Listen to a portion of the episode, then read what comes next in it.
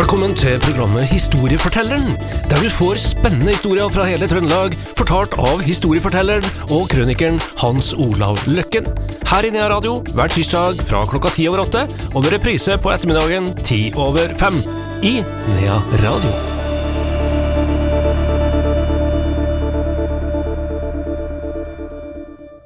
Hans Olav Løkken, velkommen tilbake. Vi skal ha ei ny historie, og denne gangen skal vi faktisk til Fersdalen. Og vi skal til en litt merkelig historie om eh, det å miste noe, Ja. og så finne igjen. ja.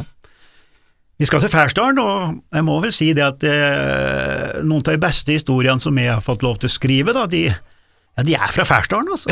oh, ja. Ja, det er en underlig eh, Vi må vel kanskje si hvor Færsdalen ligger, da. Altså, det er på en måte det er dalføret, dalføre, da, eh, området mellom Meråker og Inndalen, da. Så hvis du kjører inn eh, forbi Grova, eh, der de skal det er idrettsanlegget oppe i Meråker, og så kommer du til Funnsjøen og, og, og, Færen, og, og kjører du helt innerst inni, så kommer du til Solamoen, der det ligger en eh, par innerste gårdene, og, og derfra så er det ikke langt å gå over eh, fjellet Låsan og komme ned på Sur, da, i Inndalen. Fint inni der. Veldig fint, veldig fint og sånn, og eh, jeg har ei kjempehistorie som vi skal ta senere her, om eh, hvilke personligheter som er tilknytta Færsdalen. Eh, skal, eh, Den er virkelig god, og den er helt sann, og folk sier at de lyver veldig godt akkurat da, men den er, den er veld, veldig god. Og eh, bare for å ta et sidesprang der òg, det er altså fem ordførere som lever i dag med tilknytning til Færsdalen.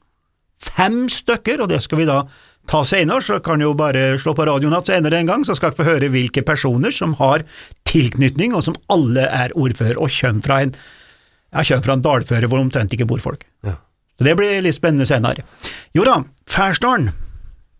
Da skal vi tilbake til en annen påskedag, 12. april i 1993, altså i går omtrent, historisk sett.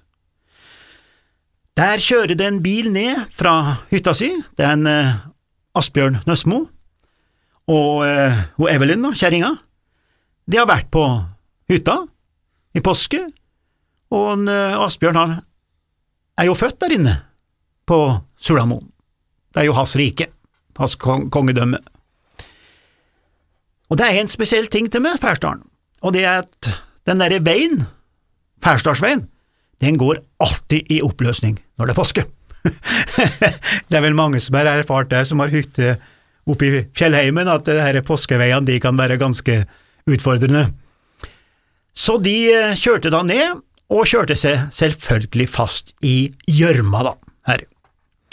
Det var ikke første gangen, og de visste hvordan de skulle komme seg løs, så der satt de nå fast i det der steikede hølet, da, der, og når Asbjørn han kommanderte da ut kjerringa, med ordre om å gå i, ut i grøfta eller inn i skogen og hente noen noe barkvister, da, og få lagt under hjulene og, og, og få tak, da.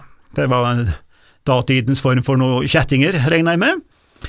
Så hun Evelyn hun uh, rusler nå inn i skogen, bare en sånn fem–ti meter, da, for å få tak i noe kvist. Det var jo ikke så lett å få av noe kvister, men hun fikk nå revet med seg noe. Kommer da og får lagt de her kvistene under hjulene, og de skal ta løs. Og da gjør jo Evelyn som alle vi gjør når vi har tatt i noe som, eh, som har satt merker på fingrene, vi eh, tørrvasker oss, klapper fingrene sammen og gnir dem litt og får det unna. Og da kjenner hun hun har mista ringen. En spesiell ring. Hun, og det snakker ikke om gifteringen, altså.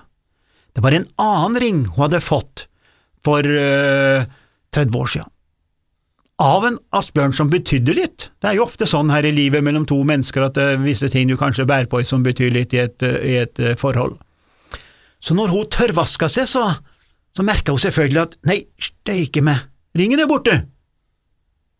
Og de begynte jo da selvfølgelig å leite, enda de visste vel innerst inne at det her er håpløst, det er mye snø, og har gått inn i skogen, og, men de måtte jo lete likevel for å tilfredsstille seg sjøl.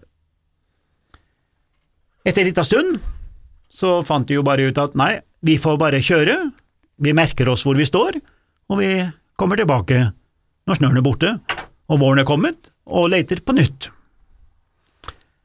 De kjørte hjem til Malvik, og våren kom, og de lette, men de fant den ikke.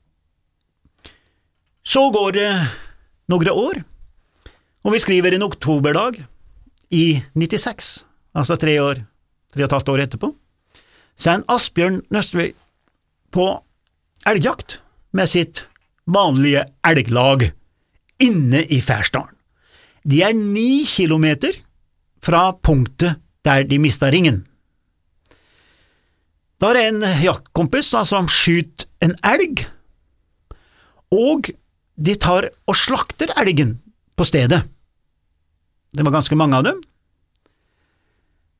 De tar etterpå og samler en del av innmaten, innvollene, altså her, og fordeler på, var det, tolv bøtter, med tanke på å ta med seg ei bøtte eller to hjem og koke det nesten et døgn til hundmat. Vanlig standard. Så det gjør Nasbjørn. Her står det lina opp tolv bøtter, og han tar bare én av dem helt tilfeldig, kjører hjem, og Evelyn koker da det der i timevis til hundmat. Og hun skal da skylle ut væska etterpå, og i kummen, der detter ringen ned i. Ringen kommer fra de her eh, restene som er kokt, og blir liggende på bunn i den kummen. Det er jo helt utrolig historie. Helt utrolig. Det skal altså ikke gå an, ikke sant? Nei. Så blir de nesten sjokka. De går rundt seg sjøl. Så begynner de å analysere. Hvordan i all verden går det an? Og det var jo en sånn kjempesak også, at de klarte ikke å holde tett. Altså, de fortalte det til naboen, og da visste jo kongen det to dager etterpå, ikke sant? Ja.